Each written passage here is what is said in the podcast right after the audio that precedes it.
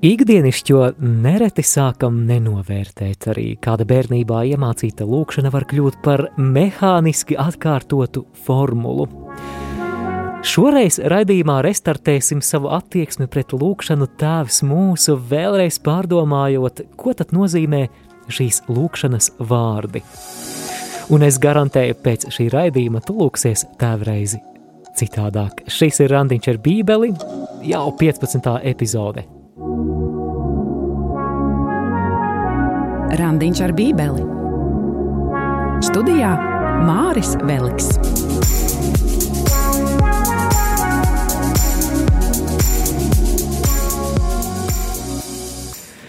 Mēs turpinām padziļināti studēt Mateja evaņģēliju, un nu jau piektā nedēļa Kalnas prediķī, kurā noteikti viena no slavenākajām un skaistākajām pērlēm ir Jēzus sniegtais lūkšanas paraugs, ko pazīstam kā Tēvs mūsu vai mūsu Tēvs vai kā tēvreizi. Un tieši tā būs arī mūsu šīs dienas raidījuma centrālā tēma, jo mēs studēsim Mateja evaņģēlija fragmentu no 6. nodaļas, no 9. līdz 15. pantam. Bet vispirms lūksim Dievu. Vispirms es lūkšu tā brīvi un spontāni, un tad tā kā mēs šodien studējam Tēvs mūsu lūkšanu, tad es vēlos arī lūgt šo lūkšanu sengrieķu valodā, un es domāju, ka arī tev klausītāji būs interesanti ieklausīties Kādu tad šo lūkšanu mēs atrodam arī senajos Mateja evaņģēlija manuskriptos. Dieva tēva un dēla un svētā gara vārdā Āmen. Mīļais dabas tēvs, mēs lūdzam, lai tu izlēj tagad savu svēto garu Es lūdzu, lai tu sūti svēto garu šeit, studijā un visur, kur atskan šis raidījums. Steidzies, svētais gars pie klausītājiem. Mēs esam izsalkuši iepazīt tavu vārdu, un mēs lūdzam, lai tava vārda studēšana mūs tuvina dziļām un personiskām attiecībām ar mūsu pestītāju, Kungu Jēzu Kristu. Tad nu tagad, lai lūdzamies Tēvs mūsu, un es to darīšu sengrieķu valodā. Pater hemon hoentois uranois, hagies tetoto onomasu, eltheto he basileasu, genetheto to thelemasu, hosen uranoi kai epitais gēs. Ton arton hemon ton epiusion dos hemin semeron, kai afes heminta ofe lemata hemon, hos kai hemeis afiementois ofeletais hemen, hemon. Kai me eisen enkes hemas eis perasmon, alla rysai hemas apotu poneru. Amen. Vēlēs labāk iepazīt svētos rakstus, bet nezini, ar ko sākt? Raidījums Randiņš ar Bībeli ir tava Bībeles studiju iespēja, dinamiska, mūsdienīga un baznīcai uzticīga studē Bībeles grāmatas kopā ar savedēju Māri Vēliku. Tad nu šodien studējam Mateja evaņģēlijas sesto nodaļu no 9. līdz 15. pantam. Tāpēc jums būs tā lūgt. Mūsu Tēvs debesīs, svētīts lai top tavs vārds, lai nāk tava valstība, tavs prāts, lai notiek kā debesīs, tā arī virs zemes. Mūsu dienascho maizi dod mums šodien, un piedod mums mūsu parādus, kā arī mēs piedodam saviem parādniekiem, un neieved mūsu kārdināšanā, bet atpestī mūs no ļauna, jo tev pieder valstība, spēks un gods mūžīgi āmen. Jo, kad jūs cilvēkiem visus pārkāpumus piedosiet, tad arī jums jūsu debes tēvs piedos. Bet, ja jūs cilvēkiem nepiedosiet, tad jūsu debes tēvs nepiedos arī jūsu pārkāpumus. Jēzus lūkšanu iesāk ar vārdiem mūsu tēvs. Tas ir devītais pants. Un Jāsaka, ka šī noteikti nav pirmā reize, kad Dievs svētajos rakstos tiek saukts par tēvu. Arī vecajā derībā mēs atrodam pat vairākas rakstu vietas, kur par Dievu ir runāts kā par Izrēļa tautas tēvu. Un es vēlos kopā ar tevi, dārgo klausītāji, nolasīt dažus piemērus kā ilustrāciju. Piemēram, veram vaļā atkārtotā likuma grāmatu, jeb 5. mūzes grāmatu, 32. nodaļu, un 6. panta beigās mēs lasām, vai ne viņš ir tavs tēvs, kas izpircis tevi? Viņš tevi radīja un audzināja. Vai cita rakstuvieta, 103. psalms, 13. pants, kā tēvs žēlo savus bērnus, tā kungs žēlo tos, kas viņa bīstas. Ko tad Jēzus ienes jaunu, mācot šo tēvs mūsu lūkšanu kalnas prediķī? Vecajā derībā par Dievu kā par tēvu ir runāts drīzāk tādā analoģijas, jeb līdzības nozīmē. Un ir zināms, ka jūdi individuāli reti uzrunāja Dievu kā tēvu. Tad nu, tas pārsteidzošais, ko Jēzus šeit ienes, ir tas, ka tagad mācekļi ir aicināti uzrunāt Dievu kā tēvu, un nu, varētu jautāt, nu, kas tur tāds īpašs, varbūt mēs esam pieraduši to tā darīt, bet patiesībā tas norāda uz ārkārtīgi dziļu tuvību, kas tagad Jēzus mācekļiem var būt ar debesu tēvu, ar Dievu.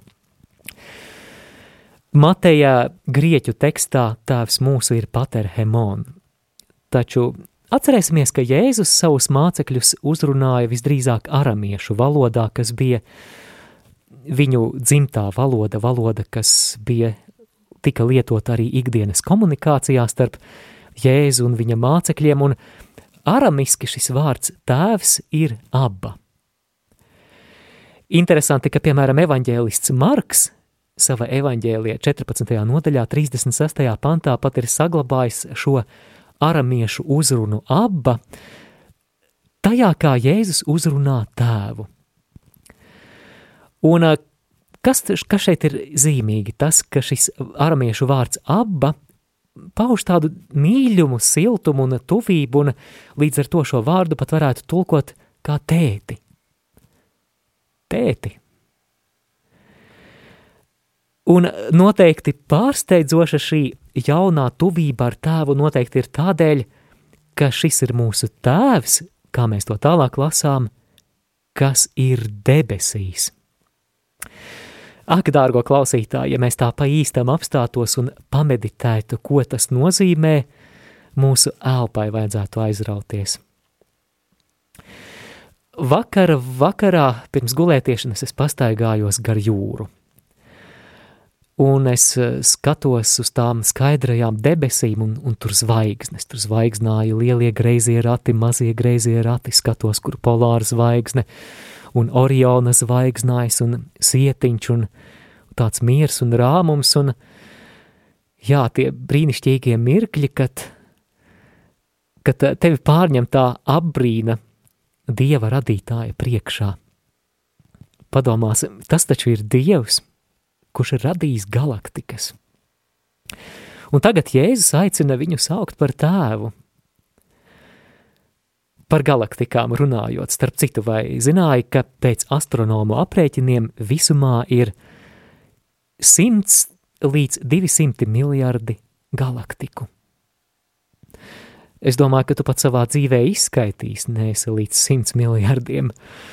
Un kur nu vēl runa par galaktikām, un mūsu Saules sistēma atrodas, vai tu atceries no skolas varbūt laikiem, kurā galaktikā, labi pateikšu priekšā, piena ceļa galaktikā. Jā, virs galvas mūžīgs piena ceļš. Starp citu, zinātnieki rēķina, ka, lai šķērsotu visu piena ceļa galaktiku no vienas malas līdz otrai, būtu nepieciešami 200 tūkstoši gadu, lidojot gaismas ātrumā. Mēs jau reizēm automašīnā nevaram pacietīgi nosēdēt 90 km ātrumā, dodoties, piemēram, no Rīgas kaut kur uz Rēzekni, jau šķiet baigais gabals. Tad no kā būtu lidot gaismas ātrumā ar kādu kosmisko kuģi 200 tūkstošus gadu. Šajā mūsu piena ceļa galaktikā viena tiek lēsts, ka ir 100 līdz 400 miljārdu zvaigžņu. Jā, te mēs runājam par Dievu, kurš to visu ir radījis. kurš visu ir radījis no nekā. Tā ir visu zinoša, visu varena būtne, kuru pielūdz eņģeļu miljardi. Un viņš zina ne tikai galaktikas, ne tikai tālākos visuma nostūrīšus, bet viņš arī zina, kas notiek vismaz, vismazākajā, sīkākajā šūnā tavā ķermenī. Jā, tas ir mūsu apbrīnojamais, visu varenais un fascinējošais Dievs. Un tagad tā, šo Dievu, kuram nav iesākuma un nav arī nobeiguma, mēs varam uzrunāt abba, tēti. Izcilā karmelītu mistiķe Svētā Avilas Terēze rakstīja, ka nereti viņa lūkšanā nespēja, proti runa ir par tēvs mūsu lūkšanu, ka viņa nespēja tikt nekur tālāk par šo abba tēti, Tēvs mūsu, mūsu tēvs. Jā, te, te ir, kur uzkavēties apbrīnā un pielūgsmē. Un vēl viena lieta, kas ir jānorāda par šo devīto pantu, ir, ka Jēzus šeit lieto vietnieku vārdu daudzskaitlī, proti viņš runā mūsu tēvs, nevis mans tēvs. Tas norāda uz šo ģimeni, kurā Dievs mūs ir pieņēmis un un eh, kurā mēs kopīgi varam saukt viņu par mūsu visu tēti.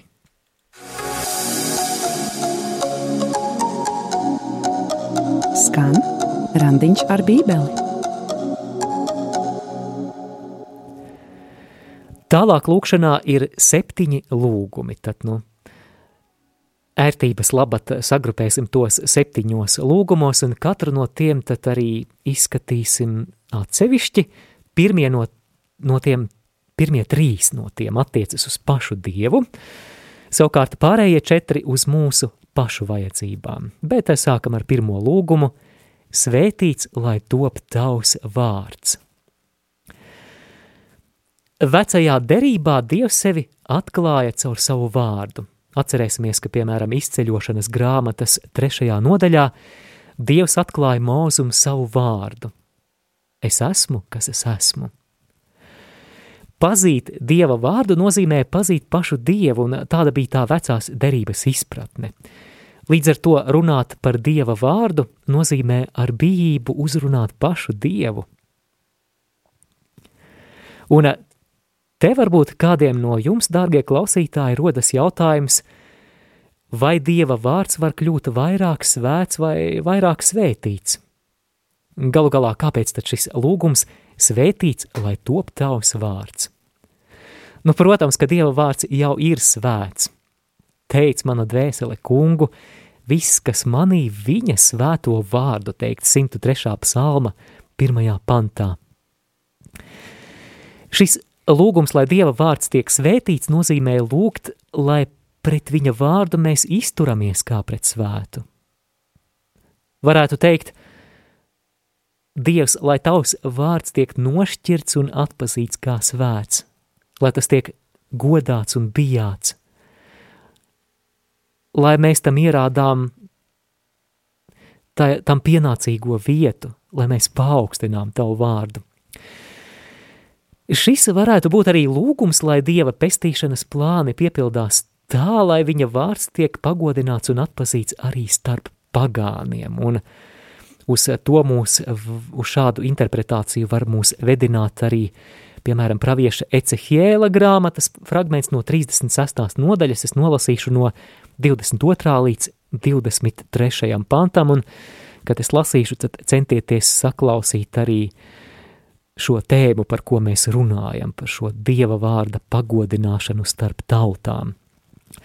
Tātad pravietis Ecehiels raksta, Izrēla nams – es to nedaru jūsu, bet gan sava svētā vārda dēļ, kuru jūs apgānījāt, nonākuši starp citām tautām. Es darīšu svētu savu vareno vārdu, kas nu aptraipī, aptraipīts tautās. Jūs to apgānījāt, dzīvodami starp viņām. Bet tagad tautas zinās, ka es esmu kungs, saka kungs Dievs. Tie redzēs, ka es jums esmu svēts.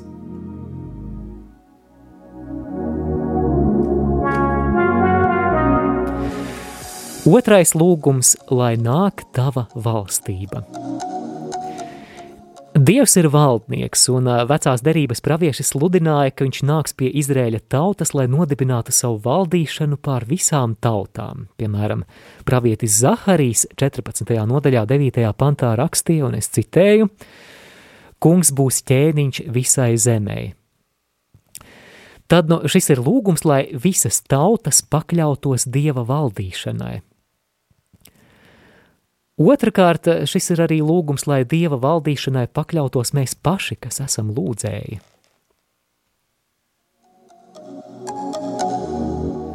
Un visbeidzot, trešais lūgums, kas arī dzen attiecas uz pašu Dievu, ir tavs prāts, lai notiek kā debesīs, tā arī virs zemes. Debesīs, protams, ka viss ir atbilstoši Dieva gribai, bez novirzēm, bet kā uz zemes, Interesanti, ka mēs, kristieši, nered, neret mēs mēdzam runāt tādās klišejās par visu, kas notiek, sakot, ka nu, tāda jau bija dieviņa griba. Vai tiešām? Vai vienmēr? Jēzus runā par šo pasauli pēc cilvēka grēkā krišanas, kad daudz kas ir izgājis no ierindas. Un ne viss, kas notiek šajā pasaulē, ir Dieva gribēts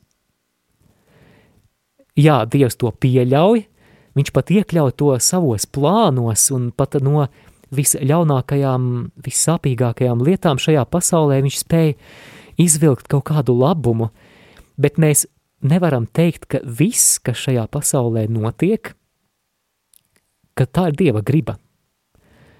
Mēs nevaram teikt, ka, piemēram, mūsu grēks, tas, ka mēs pagriežam savu muguru Dievam, ir Dieva griba. Vai, piemēram, ciešanu tēma, protams, ka ciešanas pasaulē ir liels noslēpums un patiešām ļoti smagas lietas pasaulē, smagas slimības, lielas traģēdijas. Bet tā tik vienkārši teikt par katru slimību, piemēram, ka tā ir dieva griba, arī būtu ļoti pārsteidzīgi. Tad jau pie doktora nedrīkst iet. Ja pilnīgi viss būtu dieva griba, tad galu galā nebūtu jēgas lūgt ar šiem Jēzus vārdiem: Tavs prāts, lai notiek kā debesīs, tā arī virs zemes.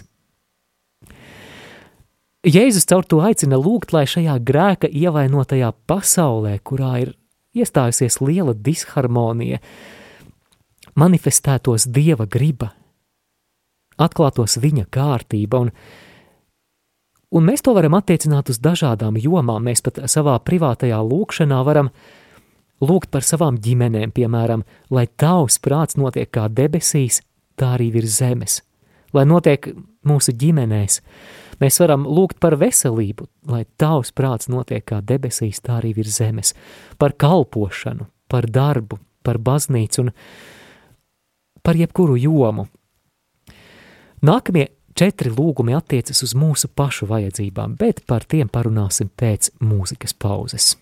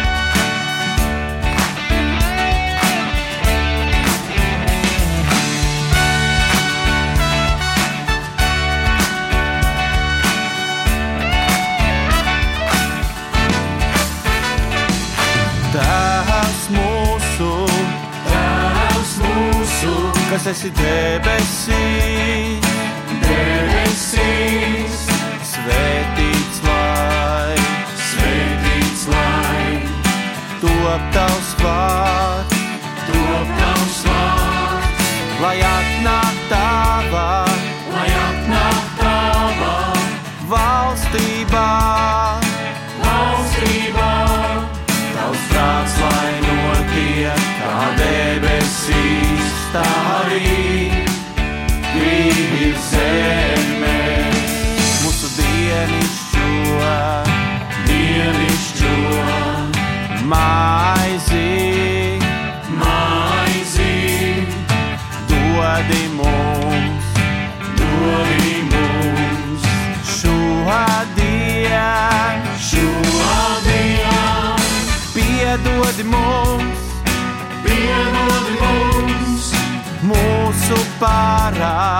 mūsu parādus. Kā arī mēs piedodam, mēs piedodam saviem parādniekiem.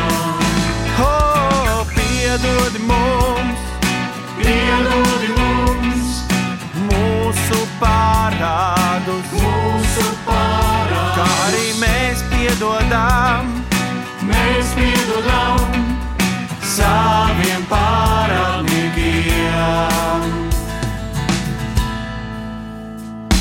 un neieved Un neieved mūsu kārdināšanā, kārdināšanā. un neieved Un neieved mūsu kārdināšanā.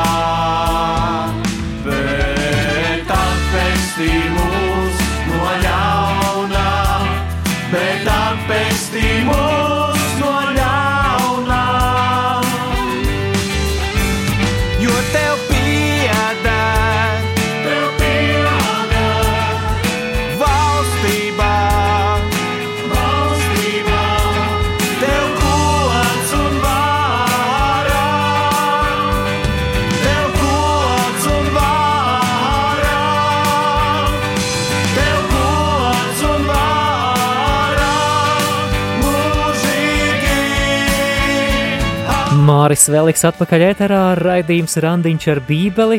Tavas neklātienes bībeles studijas padziļināti studēja Mateja evaņģēlija un šoreiz Mateja evaņģēlija sastās nodaļas fragments, ko mēs pazīstam kā tēvs mūsu lūkšanu, un pirms mūzikas pauzes mēs izskatījām pirmos trīs lūgumus šajā lūkšanā, un tad nu ķeramies klāt arī nākamajiem, bet Vēl arī vēlos mazliet tevi ieintriģēt, jo raidījuma otrajā pusē es arī piedāvāju tādu sketču ēterā, būs tāds radio sketčs. Manā izcilajā izpildījumā tas būs lūdzēja dialogs ar Dievu, un, protams, būs runa par šo tēvs mūsu lūkšanas tēmu, bet, ja tev, dārgo klausītāji, ir kāds komentārs vai jautājums, ja ir kaut kas sakāms, tad droši iesaisties ēterā. Iesaisties ēterā, zvanot uz studijas tālruni 67 969 131 vai rakstot īsiņu uz numuru 266 77 272. Izmanto arī e-pasta iespēju Studija at rml.lv. Ceturtais lūgums lūkšanā tēvs mūsu ir mūsu dienišķo maizi dod mums šodien. Tas mums atgādina, kā Dievs tuksnesī uzturēja savu tautu ar ikdienišķo mannas devu. Izceļošanas grāmatas 16, 18 mēs lasām, viņi savāca tik, cik katram vajadzēja ēšanai. Protams, tādā plašākā nozīmē tas ir lūgums pēc visa mūsu dzīvē nepieciešamā. Un kas vēl ir svarīgi, ka tādējādi mēs atzīstam savu atkarību no Dieva. Protams, tas nenozīmē, ka mums nav jānopelna sava dienišķā maize ar darbu. Tas nav tā, ka mēs guļam dīvānā, atveram muti un gaidām no Dieva brīnumu. Tas nozīmē, ka it visā mēs apzināmies savu atkarību no Dieva, jo galu galā pat darba spējas un arī darba iespējas mūsu dzīvē ir Dieva dāvana, par ko pateikties. Jā, tā ir tāda patiesība, ko mūsdienu cilvēkam, kurš tiecas būt pašpietiekams, varētu būt visai grūti pieņemt. Svēto rakstu tekstiem ir vairāki nozīmju līmeņi. Tā nu šeit pamatā, protams, ir runa par mūsu dienišķo uzturu, bet agrīnie baznīcas tēvi rakstīja par vēl vienu nozīmes līmeni, jo viņi šajā lūgumā pēc dienišķās maizes saskatīja arī lūgumu pēc dzīvības maizes, kas nāk no debesīm. Proti viņi šeit saskatīja arī norādi uz evaharistiju, uz debesu maizi, uz Jēzus miesu, jo mūsu ikdienišķajam uzturam nav jābūt tikai fiziskam. Ar to mēs neaprobežojamies, un atcerēsimies, piemēram, Jēzus vārdus Jāņa evaņģēlija sastajā nodaļā Es esmu dzīvā maize, kas nākusi no debesīm. Kurš ēd no šīs maizes, tas dzīvos mūžīgi. Bet maize, ko es došu par pasaules dzīvību, ir mana miesa. Jāņa 6, 21.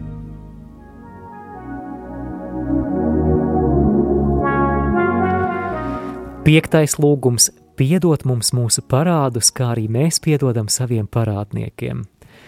Parāds bija metāfora grēkam. Un uh, es vēl to nepieminēju, bet jā, mēs šo tēvs mūsu lūkšanu varam uzlūkot arī kā paraugu, jeb šablonu mūsu pašu lūkšanu dzīvei. Un ko mēs jau līdz šim esam redzējuši? Mēs redzējām, ka mēs esam aicināti uz Dieva slavēšanu, svētīts, lai top tavs vārds. Mēs redzējām, ka mēs esam aicināti lūgt arī par tām ikdienišķajām lietām, kas mums nepieciešamas dzīvē, mūsu dienišķo maizi dod mums šodien. Savukārt tagad šie vārdi piedot mums mūsu parādus. Un ja mēs lietojam šo lūkšanu kā tādu paraugu, jeb šablonu mūsu lūkšanas dzīvē, tas norāda, ka vienam no elementiem mūsu komunikācijā ar Dievu vajadzētu būt arī grēku nožēlē. Tas nozīmē pazemīgi spēt atzīt savas kļūdas un uzticēties Dievam, kurš ir bezgalīgi žēlsirdīgs. Bet, dārgo klausītāji, pievērs uzmanību, ka šeit tekstā ir arī kāds ļoti izaicinošs nosacījums – kā arī mēs piedodam saviem parādniekiem. Jā, skarbi. Jēzus norāda, ka nepiedošana ir nopietns šķērslis mūsu pašu brīvībai. Un, ja mēs dodamies dažus pantus tālāk, proti, sastās nodaļas no 14. līdz 15. pantam, tad mēs lasām Jēzus vārdus par šo pašu tēmu. Viņš saka, ka Tādēļ, ja jūs cilvēkiem viņu pārkāpumus piedosiet, tad jūsu debesu tēvs arī jums piedos. Bet, ja jūs cilvēkiem nepiedosiet, tad arī jūsu tēvs jūsu pārkāpumus jums nepiedos. Nevelti ir teiciens izdari pakalpojumu pats sev, piedod.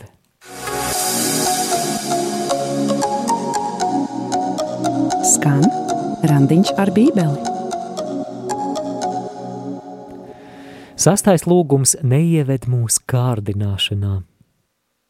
Vai tad Dievs kārdina? Nē. Atvērsim Jēkaba vēstules pirmo nodaļu un izlasīsim, kas tur ir rakstīts. Jēkaba pirmā nodaļa, 13. pants. Neviens kārdināšanā, lai nesaka, Dievs mani kārdina, jo Dievs pats nevienu nekārdina. Kā tad saprast šo neievešanu kārdināšanā? Šis grieķu vārds peiras mos, kas šeit ir lietots, var tikt saprasts nevien kā vilinājums uz grēku, bet arī kā pārbaudījums plašākā nozīmē. Tātad šeit var runāt, jā, protams, gan par vilinājumu uz grēku, kur mums ir nepieciešams stiprinājums no Dieva, viņa atbalsts cīņā, bet mēs varam runāt arī par pārbaudījumiem plašākā nozīmē. Un mēs zinām, ka pārbaudījumi savā būtībā nav slikti, lai arī cik tie būtu grūti, bet tie nav slikti. Atcerēsimies, ka, piemēram, svētais gars bija tas, kurš aizveda Jēzu tuksnesī, lai viņš tiktu kārdināts, jeb pārbaudīts. Mēs atceramies arī, ka Dievs pārbaudīja savu tautu tuksnesī 40 gadus, lai redzētu, kas ir viņu sirdīs, atkārtotā likuma grāmata 8.2. Tādējādi, protams, ka šis lūgums nebūtu jāsaprot kā izvairīšanās no pārbaudījumiem. Bet tā ir tāda pazemīga sava trausluma, sava vājuma atzīšana – Tas ir tāds lūgums pēc Dieva palīdzības un stiprinājuma, lai pārbaudījuma brīdī mēs nekrītam. Un kādā komentāru grāmatā es atradu šādu šīs vietas parafrāzi, tad to nolasīšu. Es zinu, ka man nepieciešami pārbaudījumi, bet eh, kad tu nolemsi man šos pārbaudījumus sūtīt, lūdzu atceries, ka mans spēks sniedzas tikai tik tālu, nepārvērtē manas spējas, un esi tuvu man ar savu sargājošo roku brīdī, kad man ir par daudz.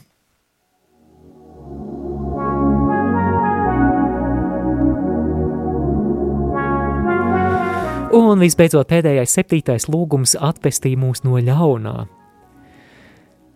Tas ir atgādinājums, ka mūsu dzīve ir garīgā cīņa ne tikai pret kādu abstraktu ļaunumu, bet arī pret personu, pret sātanu, kurš ir dieva ienaidnieks un kurš vēlas mūs pazudināt. Un tālāk es vēlos arī citēt uh, Katoliskās baznīcas katehisma 2851. paragrāfu par šo tēmu, un vēl pirms tam tikai neliela piebilde, ka, starp citu, Katoliskās baznīcas katehismā ir vesela nodaļa veltīta tieši šai tēvs mūsu lūkšanai, kur ir tāds dziļš šīs lūkšanas skaidrojums. Tādēļ, ja vēlaties vēl padziļinātāk saprast šo lūkšanu, tad droši meklējiet arī Katoliskās baznīcas katehismā. Bet tad, nu, šis 2851. paragrāfs tieši par šo septīto lūgumu atpestī mūs no ļaunā.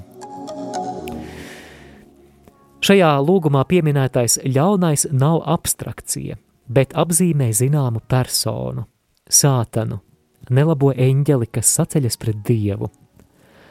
Velns, grieķiski, diabolos ir tas, kurš pretojas dieva nodomam un viņa pestīšanas darbam, kas piepildījies Kristū. Tālāk, vēlākos manuskriptos lūkšana noslēdzas arī ar vārdiem, jo tev pieder valstība, spēks un gods mūžīgi mūžos. Manuprāt, ļoti skaista atgriešanās pie dieva centralitātes. Mūsu brāļi, māsas, protestanti parasti vienmēr pievieno šīs lūkšanas beigās šos vārdus. Savukārt, katoļi to lūdzam parasti liturģijā, svētajā misē. Bet jā, ļoti skaisti, ka ja mēs pievienojam arī šo pagodinošo, slavējošo nobeigumu, tad sanāk tāda gredzenveida, jeb tāda apļveida struktūra, ka lūkšana iesākas ar slavēšanu un arī noslēdzas ar slavēšanu. Dārgo klausītāji, pēc mūzikas pauzes atgriezīšos ēterā, un es piedāvāju tev tādu teātrīti, radio skečiņu par eh, tēvs mūsu lūkšanas tēmu, tas būs lūdzēja dialogs ar Dievu. Šo daļu noteikti tu nevēlēsies palaist garām.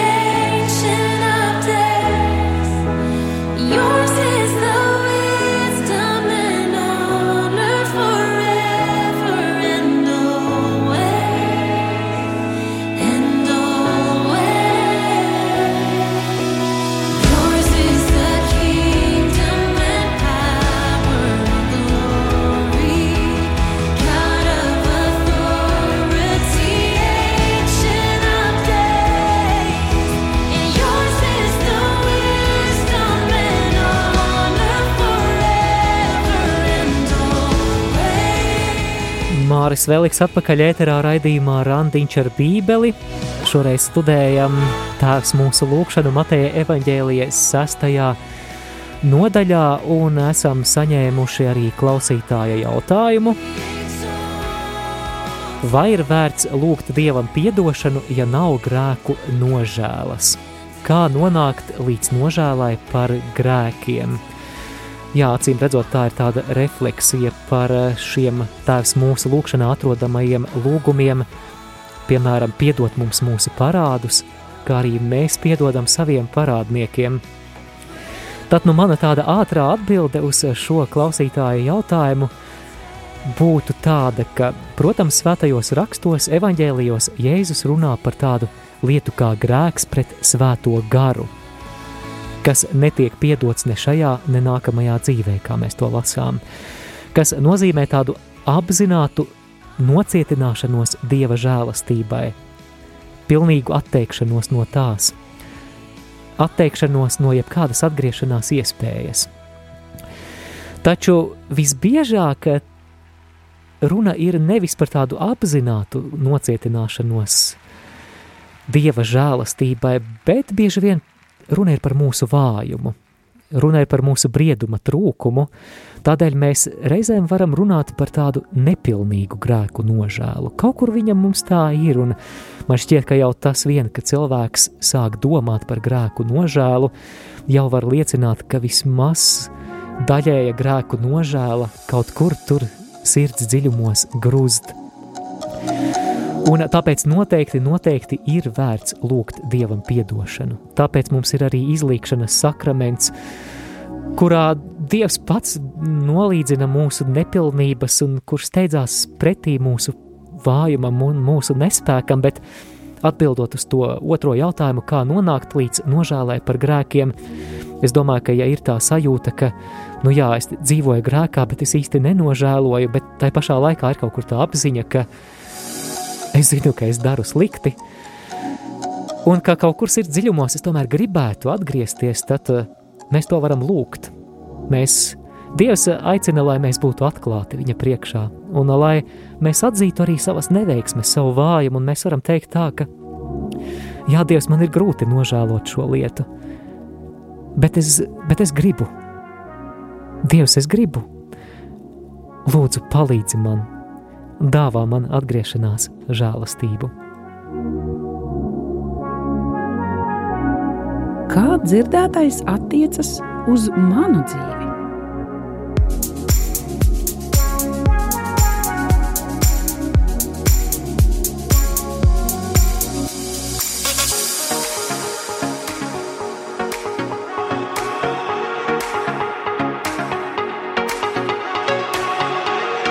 Tēvs mūsu, kas esi debesīs, jā, nepārtrauc mani, es lūdzos, bet tu mani sauci.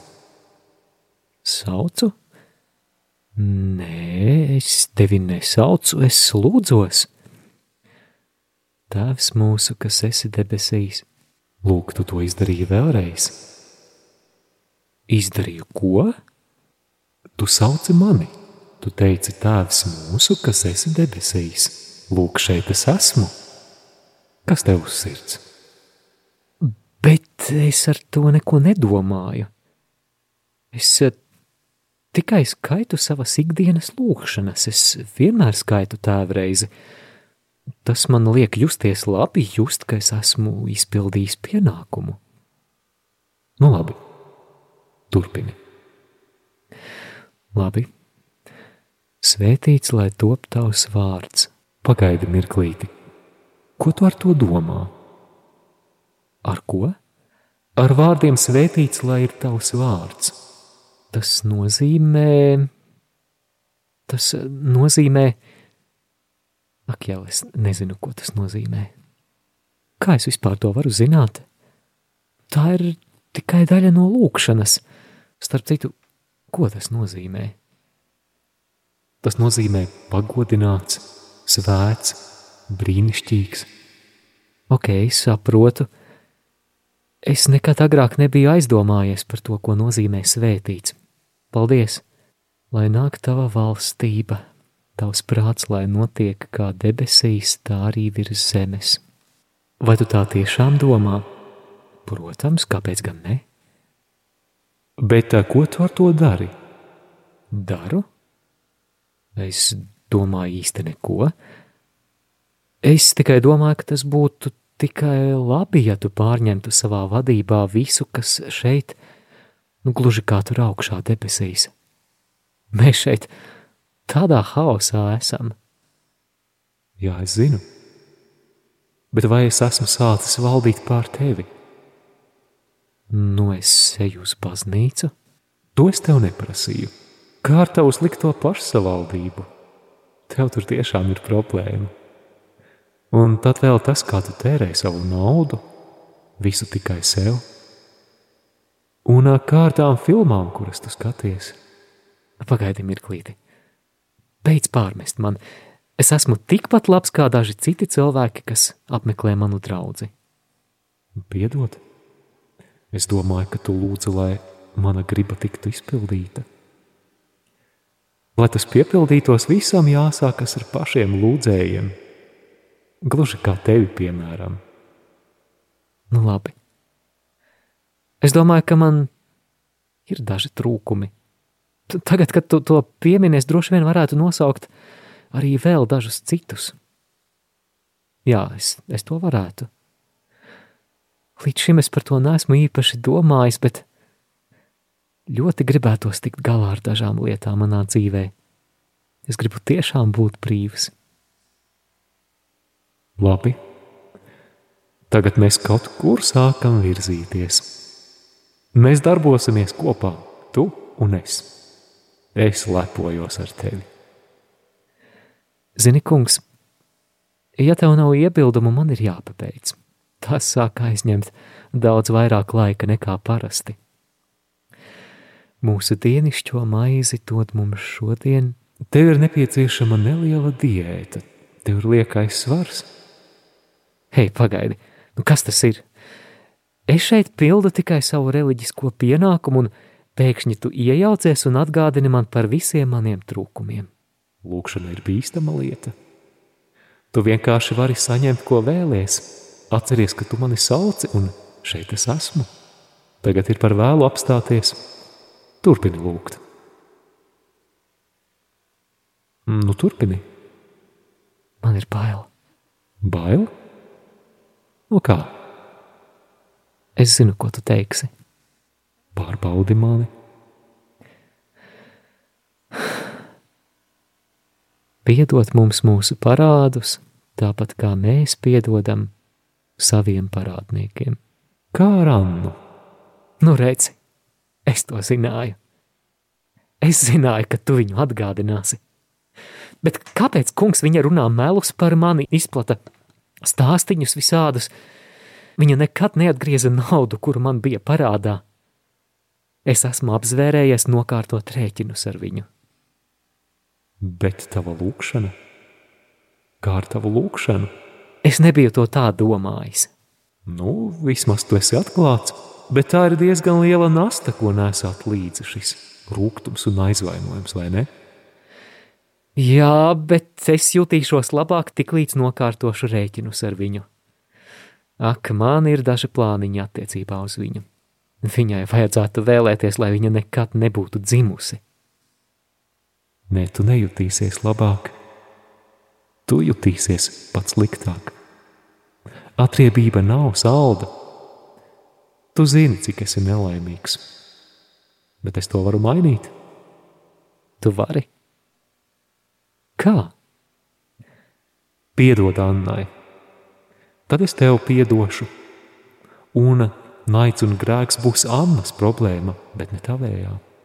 Tu būsi atrisinājis problēmu, par kuru esi noraizējies. Ak, zini, tev taisnība. tev vienmēr ir. Un vairāk nekā es gribu to atriebību, es gribu būt pareizās attiecībās ar tevi, kungs. Labi, labi. Es viņai piedodu.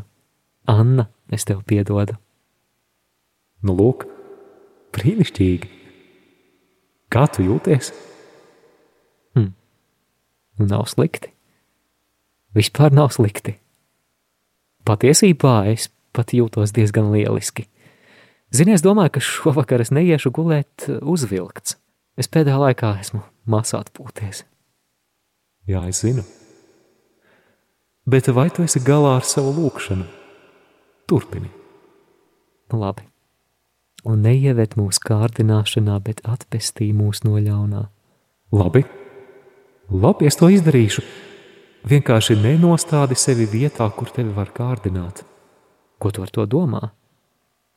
Tu zini, ko es ar to domāju. Nu, labi, jā, es zinu. Labi, Uz priekšu pabeidz lūkšanu. jo tev pieder valstība, spēks un gods mūžīgi mūžos. Āmen. Starp citu, vai tu zini, kas nes man godu, kas patiešām mani iepriecina? Nē, bet es gribētu zināt. Es vēlos tagad tevi iepriecināt. Es tiešām tik daudz ko esmu salaidis dēlī. Es tiešām vēlos tev patiesi sekot. Es tagad redzu, cik lieliski tas būtu. Tad pasaki man, kā lai tevi iepriecinu. Tu tikko to jau izdarīji.